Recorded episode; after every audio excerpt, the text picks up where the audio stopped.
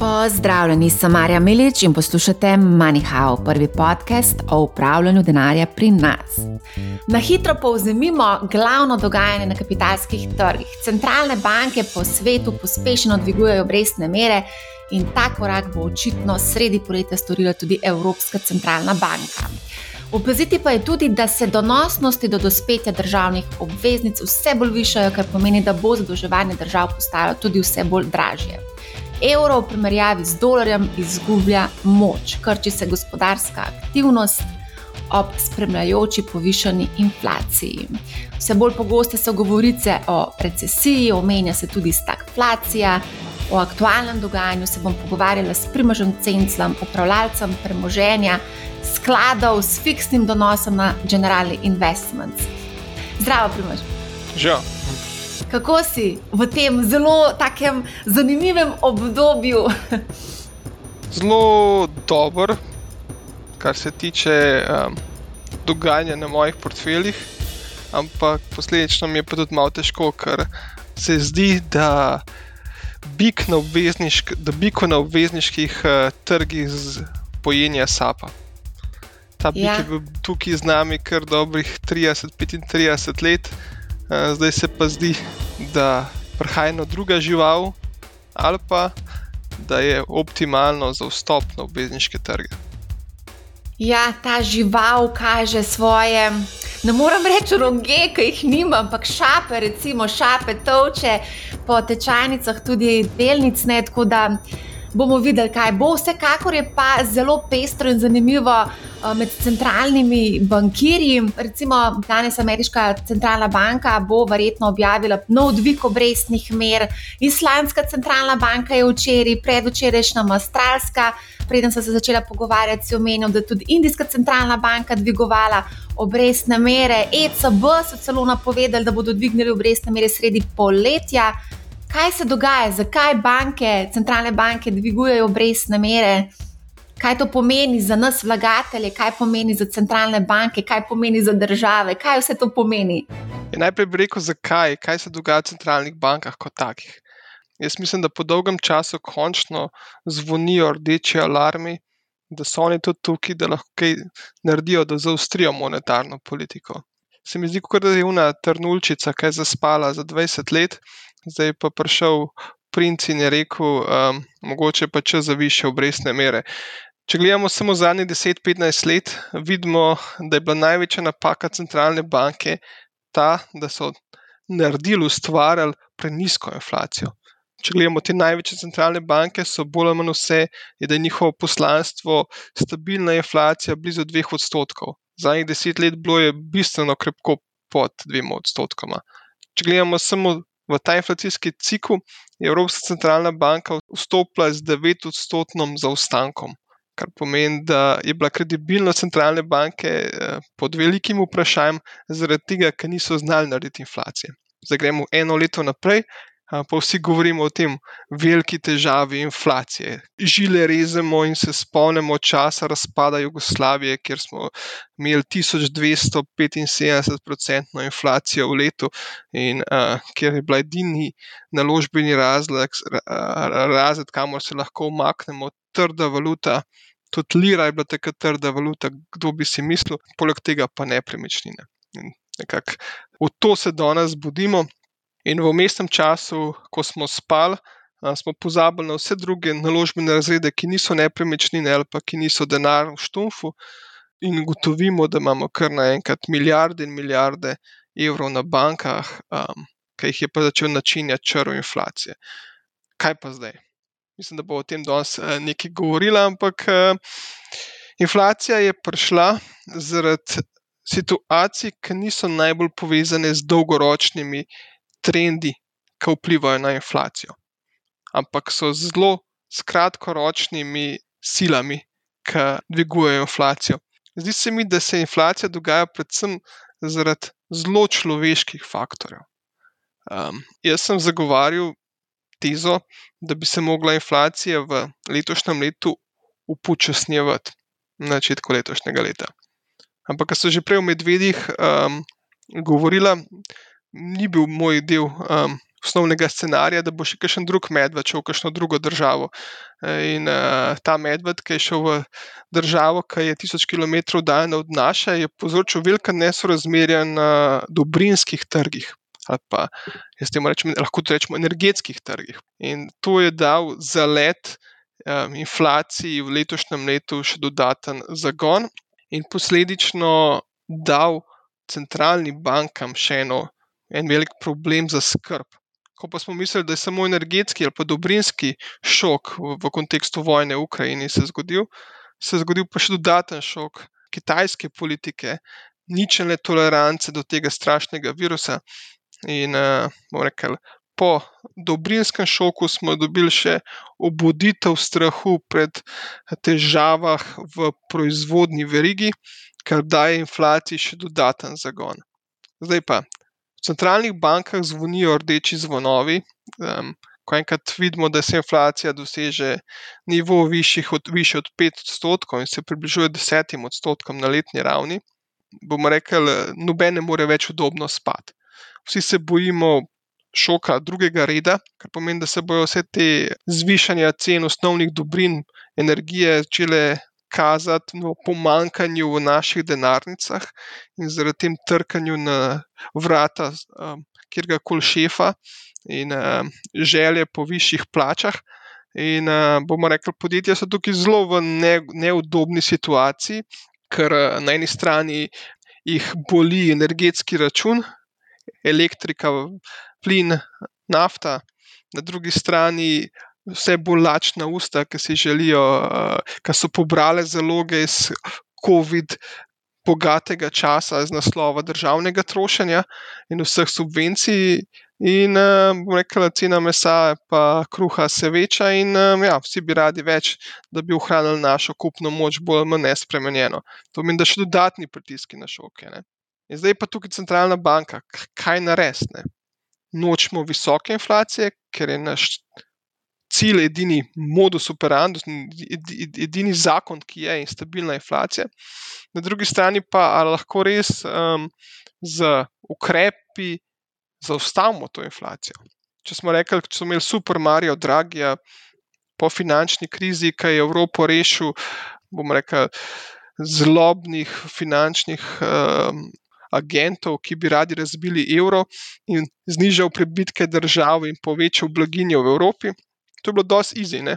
Pač vzeli smo stroje, virtualne stroje, na videzne resničnosti in ohranili in začeli kupovati na sekundarnem trgu obveznice, in vse je bilo kul. Cool. In potem je prišel COVID kriza, kjer se je zgodilo dosti podobno, hkrati je pa še država dala razne kupončke, pa bone, pa znižala davke na vseh možnih um, nivojih. Zdaj smo prišli pa v situacijo, kjer nažalost Kristin Lagarde če tudi imaš številko od določenih agentov, politikov po svetu, jih lahko pokliče. Pa bi rekla, gledajte, moj model ekonomije kaže, da cena nafte pa 120 ali pa 100 um, ni vzdržna, ni vzdržen, da bi bila inflacija tam, kot mi ciljamo, a bi vi malo mi, vem, znižali uh, število bomb odmetanih na državo, pa um, bo naš model spet skladen z našimi cilji smo prišli do nekega, do nekega rekel, šoka, kjer centralne banke ne morejo več na enostaven način rešiti tega problema. Po drugi strani se bomo mogli pa zelo odločiti eh, na zelo bolečo zadevo, ker v bistvu višanje obrestnih mer pomeni ubijanje tistega gospodarstva, ki je živ, na tisti, ki pač ni vezan na te iskanje ravnovesja na dobrinskih trgih zaradi spada enega trga in drugega trga. Ampak um, gospodarstvo, ki bi mogel dodajati k blaginji, ne, se ga z višjimi obrestnimi merami upočasni. To pomeni ob pritiskih na plače, ob pritiskih na surovine, hkrati še finančni pritisk. Na ta podjetja, in uh, bo kar izziv uh, prebroditi bomo rekli, ta dvig obrestnih mer. V tem kontekstu se jaz mogoče še celo malo, bomo rekli, bojim, oziroma je to, da bo um, ta inflacija še rasla, ampak potem bo tudi zelo skokovito padla, ko bo enkrat ekonomija um, dobila ta pravo angino. Primož, moram povedati, da si postal zelo poetičen, tako da tudi to okolje zelo dobro vpliva na tvojo poezijo, ki opisuješ dogajanje na trgu. Tako da super, pohvale za to. Veseli me, da obujaš spomine na trnulčico, na spanje, na pošasti, na agente in tako dalje. Ampak ja, pod črto to se dogaja, bolečino bomo pa vsi pod črto tudi čutili. Čeprav zdaj že sedem let Evropska centralna banka drži ključno obrestno mero pri nič odstotkih, pa na drugi strani lahko nekako pričakujemo za dvigi uh, te ključne obrestne mere, da se bo dvigoval tudi Euribor, ki je medbančna obrestna mera, med, uh, po kateri si medsebojno posojajo banke. In tu vidimo precejšno usklajeno s ključno obrestne mere in pa tudi. Euriborja. To pa seveda vpliva tudi konec koncev na obroke posojil z variabilno obrestno mero. Zdaj, po zadnjih podatkih, ko sem danes gledala, 12-mesečni Euribor je že pozitiven, tri in šest mesečni pa sta še vedno negativna. Za koliko realno meniš, da je možnost, da se dvigne Euribor na neke ne vem, višine, recimo 5% ali manj ali več? Jaz bi rekel to, da Evropska centralna banka, je glede na centralne banke v regiji, centralne Evrope ali pa tudi širše globalne regiji, v zaostanku pri dvigovanju oziroma zategovanju monetarne politike. Jaz bi sam povedal, glavni razlog je v tem, da centralna banka ima še zmeraj, bomo rekli, od začetka svojega poslovanja do danes še nekaj 3-4 odstotne točke, so cene niže, kot so nekakih obljubili. Da je kar še neke rezerve, preden bo prišlo do resnih problemov. In ko sem že rekel, da vsak dvig obrestne mere v tem trenutku nekako je recesivno, si centralna banka ne želi dvigovati obrestne mere, če res ni nujno. Na drugi strani pa Sam sekund, a to govoriš o ECB-ju? ECB-ju, ja. Ker FED ima čist drugo logiko. Ne? Ja, ker FED je pa že 4-5 pik nad svojo tarčo, kar pomeni, um, da je njihova motivacija čist drugačna, kot pa um, ECB-ja, kar pomeni, da mora biti bolj agresiven, da mu inflacija ne, ne uide izpod kontrole, ker je v naslednjih letih potem ne bi znal. Pripeljati nazaj v nek normalen nivo med enim in trem odstotkom, kot imajo cilj v Ameriki. Ok, gremo v Evropo. Ja. Meni se zdi zelo dobra novica, to, da bodo obrestne mere šle iz tega negativnega okolja. Jaz bi rekel, da, so, da je ta negativno okolje negativnih obrestnih mer ena napak centralnih bank, da so dopustili, da, so dopustil, da se je to zgodilo. Glavnino te napake bi lahko iskali v letu 2011 in s koncem Trišejevega mandata, ki je bil centralni bankir pred Dragijem, ki so zaradi strahu pred tem, da bi cene plač v Nemčiji rasle prehiter, dvakrat dvignili obrestno mero. In so jo potem zelo hitro tudi spustili z nastopom Mario Dragija, ki ni bil takrat predsednik Italije, ampak je bil še predsednik centralne banke, oziroma predsednik vlade Italije, je bil še predsednik centralne banke Italije in je začel s tem kvantitativizmom, tem tiskanjem denarja. In uh, bom rekel, ta napaka je bila posledica tega, zakaj smo imeli nasproti temu, kar, so, kar je bilo v Ameriki, tako negativne obrestne mere. Jaz mislim, da s tem, ko bomo šli v okolje pozitivnih obrestnih mer, bo to zdravo tako za finančni trg, kot za vse vrčevalce in, uh, bomo rekli, prebivalce. Zdaj pa, ok, razumem tvoje vprašanje. Do neke mere se lahko sprijaznemo s tem, da bodo obrestne mere visoke, mislim, pozitivne. Je pa res, da na neki točki, če te obrestne mere rastejo nekontrolirano, lahko postanejo tudi prevelike. In marsikdo, ki je, bomo rekli, zadolžen in ima svoj kredit vezan na Euribor, mu lahko obrok postane previsok v njegovi plači. In kar lahko dobi, s tem, v bistvu lahko dobimo marsikatere neljube težave v marsikaterem gospodinstvu. In to je tisto, kar si centralna banka v principu ne želi. Ne da bi, bomo rekli, naredila recesijo tako veliko, da bi bilo ljudem slabše.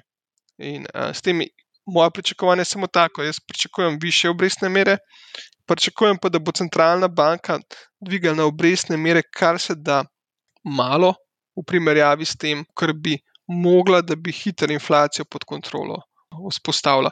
Da bojo v bistvu nekako imeli nek trade-off med počasnim upočasnjevanjem gospodarske rasti in uh, bomo rekli temu, da ne izgubijo svojega obraza pred inflacijo. Ker mi se moramo še zmeraj zavedati, da finančna kriza nas je pahala v obdobje finančne represije. Kaj pomeni finančna represija? To pomeni, da ima država preveč dolga in ga nekako ne more poplačati. Zdaj, država ima dve možnosti. Ali reče, ne morem plačati, pa potem cel finančni sistem popahne v, v pozabo, ali pa naredi tak prikrit bankrot. Ne. Ta prikrit bankrot je v tem kontekstu, da je inflacija višja, kot je strošek za zadolževanje države, in 50 let grem jim, in bom rekel, da dolg v BDP-ju se ustrezno zniža. In to je zdaj okolje, v katerem smo, ker vemo, da bomo vsi vrčevalci, ki tečimo v depozitih, bomo rekli, negativno kompenzirani z denar. V bistvu imamo uh, neke vrste, um, smo kaznovani, imamo kazen, z tega, ker premalo trošimo. Kaj, če bi veliko trošili, bi ekonomija delovala in država bi se lažje dožila, več davka bi pobrali in svet bi bil lepši. Kaznovani smo z več vidikov, ne, z temi ukrepi centralne banke, kaznovani smo uh, zaradi tega, ker pač imamo povišeno inflacijo, izgubljamo realno vrednost našega denarja, po drugi strani nas so pa tudi banke malo kaznovale zaradi pač ležarine, negativna obrestna mera. Temu se američani čudijo, ne morejo verjeti, kaj takega se je lahko zgodilo v Evropi. Moram priznati, da sem se kar z nekaj američani pogovarjali in so bili šokirani, da je to sploh možno. Ne da imamo negativne obrestne mere. Kdaj vas Saša na to vprašanje odgovoriti? To so v financah pisali zelo na veliko, 5-procentni Euribor na pribitek 2%, torej 7% v seštevku.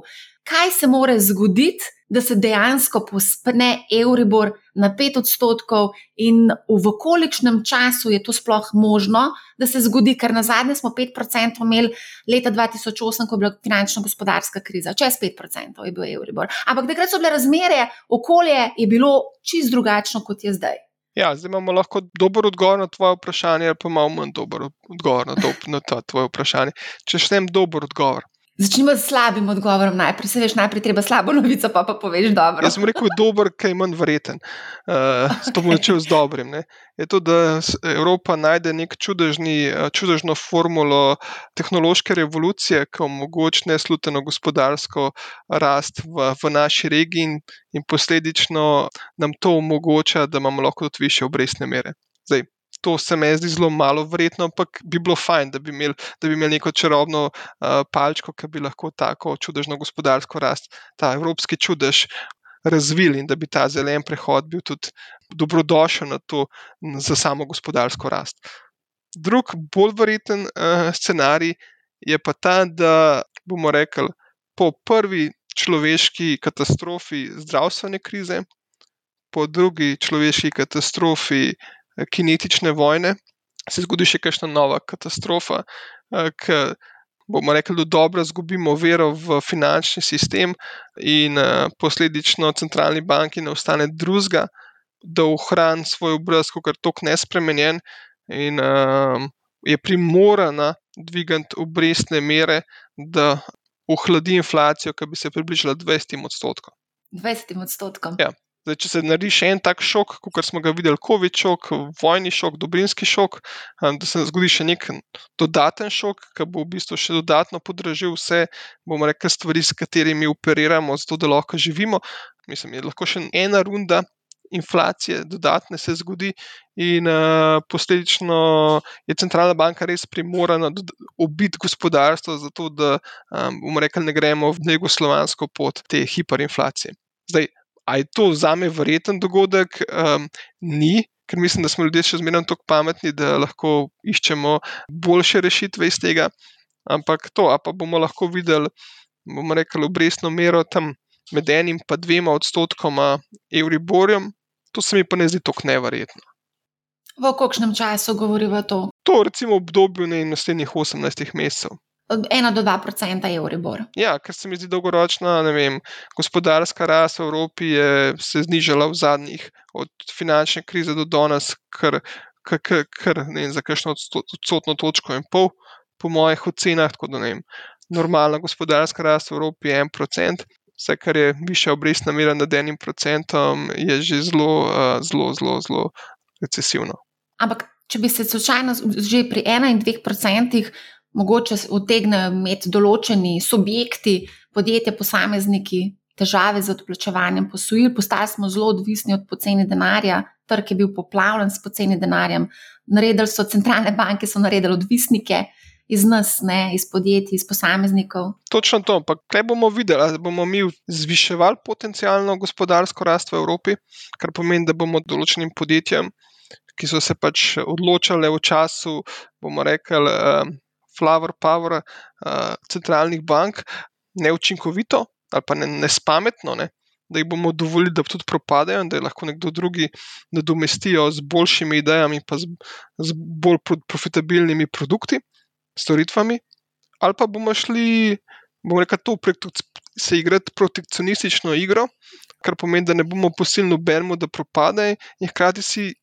Bomo rekli, uničujemo dolgoročno gospodarsko uh, rast, in s tem se v bistvu zavedno, ali pa vsaj za en rekel, pol življenjskega obdobja uh, zaobvežemo ničelni oziroma negativni obrestni meram. Da, če se zgodi to drugo, so obveznice danes postanejo zelo zanimive, ker za tem obdobjem visoke inflacije prihaja spet obdobje, bomo rekli, životarjenja. Ne. Zdaj, eni takih um, case stadijev je zelo jasen. Ne. Pogledamo na Japonsko in vidimo, obrestne mere negativne, so lahko včasih celo dobre, ne? ali pa pač ničelna obrestna mera je nekaj povsem naravnega. Ne? In predvsem tukaj, kar bi jaz rad izpostavil, da danes se v bistvu dogajajo priložnost, da se um, izboljša kapitalska učinkovitost, kapitalska lokacija, da je, da je bolj učinkovita. In zdaj, bolj ko bomo pustili, pustili trgu prosto, kratkoročno lahko veliko bolj boleče. Na drugi strani pa, um, če probamo trgu oziroma gospodarstvu delati medvedjo uslugo, sprejemamo več protekcionističnih ukrepov in bomo rekli, da se kratkoročno pomagamo, dolgoročno pa mogoče ne. Zdaj, ob vsem skupaj ne, se postavi še eno zelo pomembno vprašanje, kdo bo sploh kreditno sposoben v tej državi. Imamo se više minimalno plačo, posile se bodo dražile, se pravi, upoštevanju makrobonitetnih omejitev Banke Slovenije, ki veljajo od leta 2019 se postavi vprašanje o kreditni sposobnosti slovencev. Mogoče tukaj še ena zelo zanimiva informacija. Ravno danes sem zvedla, kakšen je trenutni rabljen kvadratni meter v uh, Ljubljani. Capital Genetics nam je priskrbel te informacije. 3644 evrov je potrebno trenutno odšteti za kvadratni meter, v Ljubljani cene leta 2015 pa so bile 2000 evrov, torej 82 odstotkov so se v bistvu stanovanja podražila v ma, šest, šestih letih, sedmih letih. Ne. In zdaj, če se začne Euribor dvigovati, ne, bo to zelo, zelo vplivalo na nepremičninski trg, posledično tudi na poslovanje bank in tako dalje, na celo verigo. Ja, jaz tukaj vidim, če pogledam nepremičninski trg, vidim večkrat še bolj večplastno. Eno je definitivno, više obrestne mere so negativne za nepremičninski trg, kar pomeni, da če pač se obrestna mera dvigne na 2-3%, dejansko ob uh, rentnem donosu, ki ga ustvarjamo z uh, nepremičninami, pač ni več ekonomike. To tveganje z vzdrževanjem in uh, iskanjem najemnikov dejansko niti, niti, blizu ne pride. Nekemu risk-free donosu, ki samo v bistvu ga plasiraš na banko in čakaš. Tor, to, če gledamo potem, kakšne daljše, recimo obveznice, če delamo, če, če delamo za primerjavo stanovanj, kaj je nek kuponski donos, dejansko ne bo več konkurenčen, konkurenčen trg nepremičnin temu. Ker više je obrestna mera, bolje pod pritiskom teh 3644. To je ena stvar. Druga stvar, sama kupna moč. Bom rekel, če pač pride do višjih obrestnih mer, kupna moč um, gospodinstvom pada, na drugi strani strošek proizvodne raste, ker naenkrat se odprejo neke škarje, kjer um, bomo rekli, teže najti ravnoteže, kot kar mogoče v času, ko je vse, kjer je bila blaginja na vseh, na vseh nivojih. Tretja stvar je pa tudi vprašanje, na kaj bomo rekli povprečni slovenski investitor v nepremičnine. Razmišlja, ko se odloči za nakup stanovanja. Kar je meni znano v dialogu z, z številnimi investitorji v, v, v ta sektor, je zelo taka domačijska logika. Um, tukaj nekaj dam, nekaj denarja dobim nazaj v mesečni renti, pa hkrati se bo vmes zgodila hiperinflacija in to mi bo ohranilo vrednost. Ne? Zelo verikat je ta. Hranilec vrednosti nekaj, kar je motivacija, zakaj v nepremičnine. Zdaj, kaj pa če inflacija ne bo tako visoka, kot vsi mislimo, da bo? Pa gremo nazaj na japonski scenarij. Pa smo v bistvu zdaj kupili neke precinjene naložbe po donosu, ki pač je ob vseh stroških, davščinah in um, um, bomo rekli, temu ne odraža več um, neke, nekega donosa, da, bo, da se ohranja vrednost, ampak bi v bistvu postal hramba nepremičnin, kot je hramba denarja na depozitih pri banki, um, strošek. Kaj pa takrat, ko bo špekulantsko uh, kupovanje lahko postalo breme? Um, jaz vidim v trgu nepremičnin kar nekaj prostora za kakšno korekcijo, ki ni nujno samo povezana z uh, dvigom obrestnih mer. Ja, še vedno pravijo, da je ponudbe še vedno premalo na trgu, zato cene tudi raste, popraševanje je večje od ponudbe. Skratka, deva, zdaj si že parkrat omenil depozite na bankah, mislim, da je zadnja statistika 26 milijard. Evrov, če se ne motim. Zdaj, o tem smo že večkrat govorili, same strukture, kdo ima denar na bankah, pač te informacije nimamo. Ne. Ampak vseeno, zanimivo je, recimo, ko opazujemo ECB in pa obrestne mere, je zanimiva recimo depozitna obrestna mera. Trenutno je ta negativna, minus 0,5 odstotka, in tukaj se seveda postavi vprašanje. Najprej se je treba povedati, da je to depozitna obrestna mera, po, takšni, po tej obrestni meri ECB zaračunava poslovnim bankam za plasma njihovih presežkov. Se pravi, v bistvu danes poslovne banke morajo ECB plačati. Ne? Ležarino, po domače povedan. Zdaj pa, zdaj pa pogledati scenarij, ali bo ECB, zdaj se govori o dvigovanju ključne obrestne mere, ali bo ECB tudi dvigovala to negativno depozitno obrestno mero. Jaz mislim, da bojo ta koridor, ki so ga vzpostavili med depozitno in kreditno obrestno mero in to centralno obrestno mero, da bojo bolj ali manj ohranili nespremenjen in da se bo hkrati z dvigom te ključne obrestne mere tudi ta depozitna obrestna mera dvigala.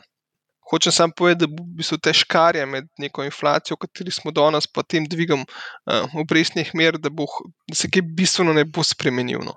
To je neka taka stvar, kar pomeni, da realno bodo depoziti še zmeraj kaznovani eh, z isto magnitudo, kot kar danes. To pomeni, če tudi bomo dobili nominalno, oziroma da bo več ležernin, uh, še ne pomeni, da se bo realna kupna moč v depozitih ohranjala. To je pač nekaj bolj ali manj fakt. Ampak recimo, da ECB dvigne na, iz minus nič cela pet na nula, potem v bistvu tukaj banke nimajo več argumenta, poslovne banke, argumenta za ležarine, ki jo zdaj zaračunavajo, recimo posameznikom, ki imajo več kot 100 tisoč evrov na bančnem računu. Mislim, to je spet vprašanje, kako vsaka poslovna banka želi, kakšno maso depozitov želi imeti pri sebi. Zdaj, ležernina, marsikatere banke že sedaj zaračunavajo višjo ležernino, kot je ta pri centralni banki. To sam pomeni, da jim v kreditni bilanci banka ne ustreza tak presežek teh depozitov. In v bistvu, kaj bo imela vsaka poslovna banka odločitev, ne, kakšno maso depozitov si želi zbrati od komitentov in ustrezno, uh, bomo rekli, temu postavljati ceno za denar ali pa plačilo za denar, ki ga bo hotla. Jaz mislim, da v letu do nas uh, bo negativna obrestna mera spomin. Uh, in ležarnine s tem. Ležarnine tudi, a to ti napoveduješ, recimo, temu tako, da ležarnine, da bo blaž brodnik iz NLB-ja, da bo umaknil ležarnine s tem, ko se bo ta depozitna obrestna mera dvigala na nula ali pa še kaj več. Mislim, glede na to, kaj je v vseh uh, podatkih, ki so meni danes znani, bi pač ob tem, da si ne želi um, zgubiti depozitne mase, bo to mogel narediti. Na tej točki bi pač vse tiste povabil, ki pač, eh, bomo rekli, so s temi ležnjami nezadovoljni, da so tudi obstajajo vzajemni skladi, ki omogočajo boljšo alternativo tem ležernjam, če bojo v naslednjih letih obstale s centralnimi bankami. Ne. Je to malo še povezano s tveganjem, je treba tudi tega se zavedati. Ne. Najbolj tipičen produkt je naš produkt General MM, ki večino investira v državne zakladne menice, ki so po naravi še bistveno manj tvegane kot naša največja banka, o kateri si ti uh, govorila. Uh, in uh, tam ni ležernin, tam so pač samo tržne obrestne mere, ki so. Tako da, če bojo ob, oh, ohranjali te visoke ležernine, so vsi uh, poslušalci povabljeni, da pomislijo tudi v alternativah temu, uh, temu naložbenemu razredu. Um, niso ležernine, so pa stroški upravljanja, vstopni stroški, verjetno še kakšni drugi stroški. Ne? Pri denarnih skladih je to zanimivo. Upravljalski stroški so 10 bačnih točk, oziroma 0,1 odstotek letno, vstopnih pa izstopnih stroškov pa ni. Mhm. A nimaš v vstopne v MM? Denarni sklade ne, pač seveda potem v druge. Uh, sklade so pač neki vstopni stroški, pa še to se vedno odpirajo neka okna, uh, kjer teh vstopnih stroškov ni, tako da uh, vedno, ve, ve, kjer je volja, tam je pot. Kaj pa kapitalske dobički, recimo, ki jih ustvariš, recimo v MM-u, ali jih ustvariš? Ja, kapitalske dobičke pa seveda se obračunavajo. To pa definitivno, ampak bomo rekli, eh, ta subvencija do 1000 evrov, koliko je že pri depozitih, eh, ob večjih zneskih, eh, se tudi kar hitro napolne. Um, obrestne mere, ki se do 1000 evrov, ja, ja oziroma ja, obresti na, ja, na 1000 evrov. Ja, samo moraš imeti škog denarja na banki, da prideš do 1000 evrov obresti. Govorimo o višjih, uh, višjih uh, obrestnih merah. merah. Tako je. ja, okay. Bomo rekli, še to ne pozabimo. Ležernina, ne? ne vem, če je to obrestni prihodek, je obrestni prihodek, ležernina pa ne vem, če ti znižuje osnovo uh, donosa iz višjih obresti to pa ne vem, kako je davčno eh, kvalificirano. Až kaj si predstavljaš, da imaš lahko resno mero 1%, ne? pa ležanino 1 odstotek. Ne? Na koncu si na nuli, ampak na ti se en odstotek poplačaš davek. Ja. Pozitiven. Z mladimi sem imela neko delavnico, vse to sem tudi na LinkedIn-u napisala da v bistvu vejo vse o NFT-jih, ne vejo pa, kaj je depozit. Tako da to se je spremenilo v tem zadnjem desetletju, ko se ne govori več o depozitih, oziroma ko se govori o depozitih, se govori o depozitih z mizerno nizko obrestno mero, oziroma depozitno obrestno mero po svoje to, kar pozdravljam, če lahko komentiram. Ne? Ker se mi zdi, da v bistvu, če se bomo začeli slovenci ukvarjati z optimalno lokacijo kapitala in se naučili vseh pasti na takih in drugačnih denarnih, eh, finančnih ali pa špekulantskih trgih, se mi zdi, da je to kvečem dobro. Kar pa da vzdržujemo krekovo, Janezovo, Galista, kreka teorijo o hranilnicah kar je v bistvu ob te rasti depozitov še zelo znami. Zdaj, Janes Vogelisk je bil sicer duhovnik, ampak hkrati tudi poslanc v avstralskem parlamentu in je v Slovenijo pripeljal krščanski socializem in hkrati um, sistem hranilnic. V bistvu je bil nekako uh, oče, duhovni oče bankirstva v Sloveniji. In nažalost smo v njegovem času Sloveniji bolj ali manj obstali. no, lej, iz uh, tvojih ust v božje ušesa, ali kako ne rečem, še vedno sicer žal imamo veliko denarja na bankah, veliko denarja investiranega v nepremičninah. Nekaj se je zdaj sicer prebudil tudi investiranje v vzajemne sklade, videli smo nevrjetno rast, ampak ja, pa se je tudi mečkano umiril. Takoj, ko pride kriza oziroma upadi tečajev, se tudi umaknejo vlagatelji. To, to je večkrat videno, to ni nič novega. Jaz bi tukaj samo še dodal eno misel, to, da um, če gledamo na eni strani NFT, na drugi strani pa depozite. Ne? Jaz si sam želim, da bi se ta most med najbolj špekulativnim delom, bomo rekli, finančnih, kapitalskih, kakršnih koli trgov, pa najbolj varnim konceptom vrčevanja v depozitih, nekako tudi eh, postopoma zgradil. Ne. In uh, veliko se vprašanje postavlja, kaj narediti z inflacijo. Ne. Kaj danes narediti, ko je inflacija 10, no, kako še ni še 10, no, je še uh, kako 10%, kaj narediti z, z denarjem. Ne. Jaz bi sam rekel, da pač, če imamo jasne dolgoročne cilje, pa če imamo razpršen premoženje, ti dileme sploh ne bi imeli. Ker če gledamo samo za ta visoka inflacija, danes ne se v trgu ugrajevala zadnji let pa polne. In tisti, ki je bil na trgu prisoten, finančnih trgih, tako dolžniških kot kapitalskih trgih prisoten zadnjih dve leti, bomo rekli, da danes bistveno bolj je zabavno opazovati ta inflacijski uh, šok, kot pa nekomu, ki pač je spal kot medved v času, ko bi mogel biti aktiven in se danes budil in je ugotovil, da nima zaloge v svojem brlogu, zunaj pa še zmeraj snegne, oziroma je ravno sneg zapadel.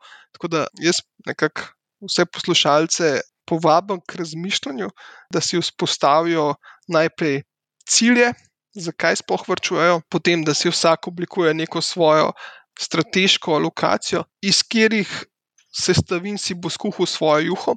Sestavine, mislim pa naložbene razrede, naložbene razredi so pa po domače delnice, obveznice, denar, pa vsi alternativni oblike vrčevanja. In na podlagi tega si oblikuje svojo juho, ki jo potem ustrezno vzdržuje skozi čas in prilagaja, da ujame najboljši veter z finančnih trgov, da lahko še bolj uplemeni svoje premoženje. To si zelo lepo povedal. O tem tudi pogosto govorimo na Manihau, tudi delavnice smo naredili na to temo, ker smo jasno povedali, kako se postavijo cilji. Jaz sem temu rekla, da si postavljamo življenjske destinacije, ker gremo na pot skozi čas. Mar jaz bi tukaj rekel, če lahko tukaj daš link na tisti pogovor oziroma na tisto delavnico. Če ga imaš, ker to se mi zdi res najbolj ključno stvar, ki si jo mora vsak posameznik narediti, je to, da gleda stvari mečkam bolj srednjeročno, dolgoročno in potem prilagaja svoj portfelj dogodkom. Ne. Ker če gledam, sem tako, recimo, portfelj, ki ga upravljam, ki je spostavljen na obvezniške trge, je bil moj portfelj zelo dolg časa investiran v inflacijske obveznice. En del, v začetku COVID-a, je bil portfelj večkrat tepen zaradi tega, ker takrat se je bal, da inflacije ne bo in da smo v novem ciklu deflacije. Ampak, recimo, sam sem ustrajal s tem investiranjem v ta naložbeni razred, podrazred obveznic. In recimo, danes, v tem prvem kvartalu letošnjega leta, je bil pa to zmagovit trade. Če lahko rečem, sem dan primer neke francoske osemletne obveznice, je bil donosnost v kvartalu okoli 2 odstotka, pozitivna. Na drugi strani je pa trg padel 6-7%, kar pomeni, da bomo rekli, tudi v tem um, grdem okolju za obveznice se najdete neke stvari, ki so pozitivne. Primer, sam tukaj te bom mogoče samo večkrat nastavila, o tips, ti govoriš o tipsih. Ja, o, o tem... To so ameriške, recimo, tudi, ima pa tudi Evropa, um, štiri-pet držav izdaja en mehen del mhm. svojega dolga, tudi v obveznicah, katerih glavnica se prilagaja za inflacijo. To pomeni, da je kupon fiksen, mhm. glavnica se pa na letni ali pa polletni ravni prilagaja za indeks, ki je vezan na evropsko inflacijo. Tukaj je tudi ena priložnost za še en link, ker o tem smo tudi vse govorili, kako izkoristiti inflacijo za zaslužek in tudi omenjali smo konkretne produkte. Greva mi dva kar naprej in sicer to se mi zdi zanimivo. Danes sem gledala donosnost do spetja slovenskih eh, državnih desetletnih obveznic, ki zapadejo leta 32. Gibljajo se okrog 2 odstotkov, danes so se mal prekucali čez 2 odstotka, pa so pa šli na 1,9. Skratka, v začetku leta je bila pa donosnost do dospetja nič cela 3, pa še nekaj procentov. Kaj zdaj to pomeni za državo? Več možnih interpretacij tega. Pač, država je zdaj v zelo dobri kondiciji. Kar se tiče tega, da imamo visoko gospodarsko rast, pa visoko inflacijo. Pomeni, da nominalno BDP zelo raste, kar pomeni, da davčni prilivi so zelo veliki, kar je z državo pozitivno. To pomeni, da če so davčni prilivi zelo visoki, rast davčnih prilivov, pomeni, da tudi te više obrestne mere niso taka panika. Zdaj, če gledamo samo Slovenijo, krivulja, mislim, dolg, ki izdaja, je kar globoko potisnjen v prihodnost. To pomeni, da ne zapade zdaj cel dolg iz danes na jutr, ampak samo en delček celotnega dolga zapade v naslednjem letu ali pa v naslednjih pol leta, in to bo treba refinancirati na trgu, in seveda, ni več freelanca, kar pomeni, da ni več denar, ni več investitorjev, ki bi bili pripravljeni plačati državi za to, da lahko kupuje njihov dolg, dolg države. Cena denarja je danes višja, ampak še zmeraj, če to primerjamo realno, je še zmeraj zelo negativno. Kar pomeni, da državi se še zmeraj splača zadolževati. Ta premik je čist zdrav v tem kontekstu. Ne vidim težav, da bi imele države težave z zadolževanjem v tem trenutku. Problem pa, kar lahko nastane, se pa lahko odpre kakšno okno, kjer uh, pademo v kakšno hudo stagflacijo, kar pomeni pa, da se ti davčni prilivi upočasnijo, hkrati pa strošek zadolževanja bistveno poveča. Ampak pa imamo spet tukaj centralno banko, ki je, recimo, Kristina Lagarde v zadnjem sestanku odprla to možnost, da če pride do špekulativnih napadov na posamezne države, da je zmožno zaktivirati, bomo rekli, fleksibilnost odkupovanja obveznic, ker mi še moramo vedeti, da centralna banka je lastnica zelo veliko obveznic. Mislim, da je okoli 8-9 trilijonov evrov. In te obveznice zapadajo, in te obveznice, ki zapadajo, je zdaj zaenkrat še plan, da se reinvestirajo nazaj. Kar pomeni, da te obveznice, čigar centralna banka dobi denar nazaj, se spet porabi za nakup dolgoročnih obveznic. In v tem kontekstu ima centralna banka zelo veliko moči, da bi preprečila obuditev časa iz razpada evra in teh neslutenih dvigov pribitkov. Včasih smo temu rekli pik z države, ampak mislim, da je to zelo. Um, jezik, ki ni najbolj zaželjen uh, v, v finančnem svetu. Ne. Ja, to se pa moram prav priznati, da sem prav obujala spomine, takrat, ko se je dogajala dožniška kriza. Spomnim se, da sem takrat prejela izredno veliko vprašanj bralcev in kolegic in kolegov, ali bo evro res razpadel. In takrat je bila cela panika okrog tega. Torej, ali ta scenarij sploh je možen, zdaj, ko smo tako med sabo povezani v Evropi oziroma v evroobmočju? Jaz mislim, da je večja verjetnost v današnjem trenutku, da bo evro večji, kot pa da bo manjši. Zdaj, pred nami je nova članica, Hrvaška. Z januarjem, če bo šlo vse po sreči, bo postala nova pridružena članica Evropske monetarne unije. Jaz mislim, da z nastopom tega novega sedemletnega cikla Evropske komisije bi znali tudi druge CE države bile bolj primorane k temu, da bi pristopile k evru, hkrati da se pojavlja ambicija po izdajanju evro obveznice, kar pomeni, da kar naenkrat ne bo več država, naša zakladnica, tista, ki bo zbirala glavnino dolga Slovenije na finančnih trgih, ampak bo se centralizirala pod neka centralizirana evro zakladnica. Kar pomeni, da bojo marsikatere države lahko prišle do cenejšega denarja. In to so, to so pobude, ki zdaj krožijo naokoli. Tako da zdi se, da um, družba dela v tem, da bi bili bolj povezani. Ja. Na, na drugi strani so pa tudi sile, ki si ne želijo tega. In um, reka ne delač od nas, se dogajajo stvari, ki um, kažejo tudi, da si nekateri ne želijo več Evrope. No, ko govoriš o evru in pač moči evra. Ne? Ampak, če pogledamo pa na valutne trge, je pa dolar tisti kralj med valutami, evro pa izgublja svojo moč. Kaj se, zakaj se to dogaja, kaj se dogaja z evrom, zakaj postaja, zakaj se šibi v primerjavi z dolarjem? Ravno iz uh, komentarja malo prej, ker je Amerika, se mečkam bolj oddaljuje od tistega stabilnega inflacijskega cilja, inflacija blizu dveh odstotkov oni imajo ekonomijo, ki je mečkam bolj razžarjena, malo bolj vroča kot evropska ekonomija. Bomo rekli, imajo tudi malo bolj stabilno energetsko unijo oziroma energetsko zaprto državo, kar pomeni, da se njim dogaja bolj to notranje pregrevanje in je v bistvu rast plač v Ameriki bolj propulzivna kot v Evropi. In vse to daje, bomo rekli, več samozavesti ameriške centralne banke pri višanju obrestnih mer. Recimo, danes bomo imeli zasedanje, kjer se pričakuje med dvig obrestnih mer med 0,5 in 0,75 odstotkov v enem koraku. To je kar brutalen dvig, če lahko sam dam iz svoje kariere. Jaz sem videl samo znižanje take magnitude. Dvige takih magnitud v, v svoje kariere nisem videl, pa sem na finančnih trgih 16 let v ameriški centralni banki. To pomeni, da pač ja, tam so stvari malo bolj resne in više obrestne mere pritegujejo v državo več kapitala. Ne. Zakaj bi držal nič vredne, nič donosne, bomo rekli, evrske ali pa kjerkoli druge, manj donosne papirje, če jim lahko k netvegani državi dobim višjo donosnost. To je taka zelo motivacija investitorjev, zelo bazična.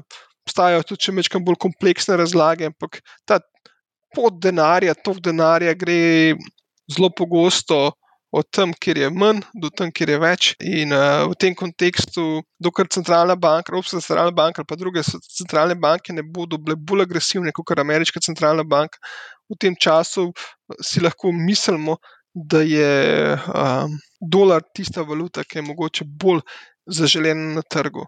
Ampak uh, vse to, kar govorim, vse, kar se danes dogaja, se uračuna stvari, ki se bodo dogajale v naslednjih šestih, devetih mesecih. Tako da trg predvideva, kaj se bo dogajalo v prihodnosti. Mm, yeah. Ja. Je pa to vedno prostor špekulacije, kar pomeni, da se trg vedno lahko zmoti in se lahko stvari tudi odpeljejo v drugo smer. Ampak ta moč dolarja pa tudi seveda vpliva na naložbe, ki so izražene v dolarju, to govorimo o zlatu, o nafti in drugih surovinah. Tudi konec koncev, v ameriških delnicah, vi, upravljalci, institucionalni vlagati, lahko investirajo tudi na ameriški trg in kupujejo ETF-e, a ne ameriške ETF-e.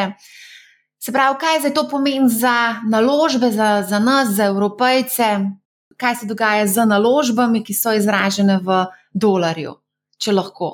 Pač trenutno je dolarska naložba, mislim, dolar kot sama valuta, bolj zaželena znotraj investitorjev. Ampak, bom rekel, tudi ta trade, če temu lahko rečemo, na dolar, postaja vse bolj um, nasičen. Kar pomeni, da vse več investitorjev preferira trenutno to taktično lokacijo. Kar pomeni, da ko se enkrat stvari mečkaj znormalizirajo v Evropi, se lahko ta trend tudi dosti hitro obrne ali pa na emerging marketih. Rekel, še zmeraj se mi zdijo mogoče ameriške delnice, pa da nočem dati nobenih priporočil, v tem trenutku mogoče malo bolj zanimive, zaradi jasnih človeških faktorjev v Evropi ali pa v emerging marketih, ampak ni nujno pa, da, da je to nek trend, ki bi hotel dolgoročno biti na njemu. Ja, mislim, da veliko nekih napotkov si že dal našim poslušalcem in gledalcem, glede postavljanja ciljev, glede alokacij, glede izbire samih konc koncev tudi naložbenih produktov. Tako da, a bi za zaključek mogoče še kaj sporočil? Jaz bi rekel samo to, da vedno razmišlja dolgoročno, pa vedno v portfelj svoj ne postavljati vseh jajc v eno košaro, kar se da razpršiti portfelj in uh, bomo rekli, samo taktično prilagajati portfelj na trenutne razmere in ne pozabiti tega dolgoročnega cilja. Ker če bo tako, je potem lahko portfelj pripravljen na vsa možne scenarije. Ker, rekli, smo govorili na začetku, da se končuje 30 let, 35-letni bull trend na obveznicah. Ne? Ampak, če rečem samo dve stvari, kaj pa, če se vojna v Ukrajini konča? Kaj pa, um, rekel, če smo se naučili s COVID-om živeti? A imamo v Evropi več rojstev, kot smo jih imeli pred petimi leti? A uporabljamo manj tehnologije, kot smo jo pred petimi leti? A se bo globalizacija ustavila? Če se za vse te tri uh, odgo vprašanja odgovorimo, ne, je mogoče, da je čas, da vstopimo v obveznice, če se zgodijo te stvari. Super, s tabo se res stoprocentno uh, strinjam. Razpršenost in dolgoročnost je naša mantra, dobesedno na manjhav.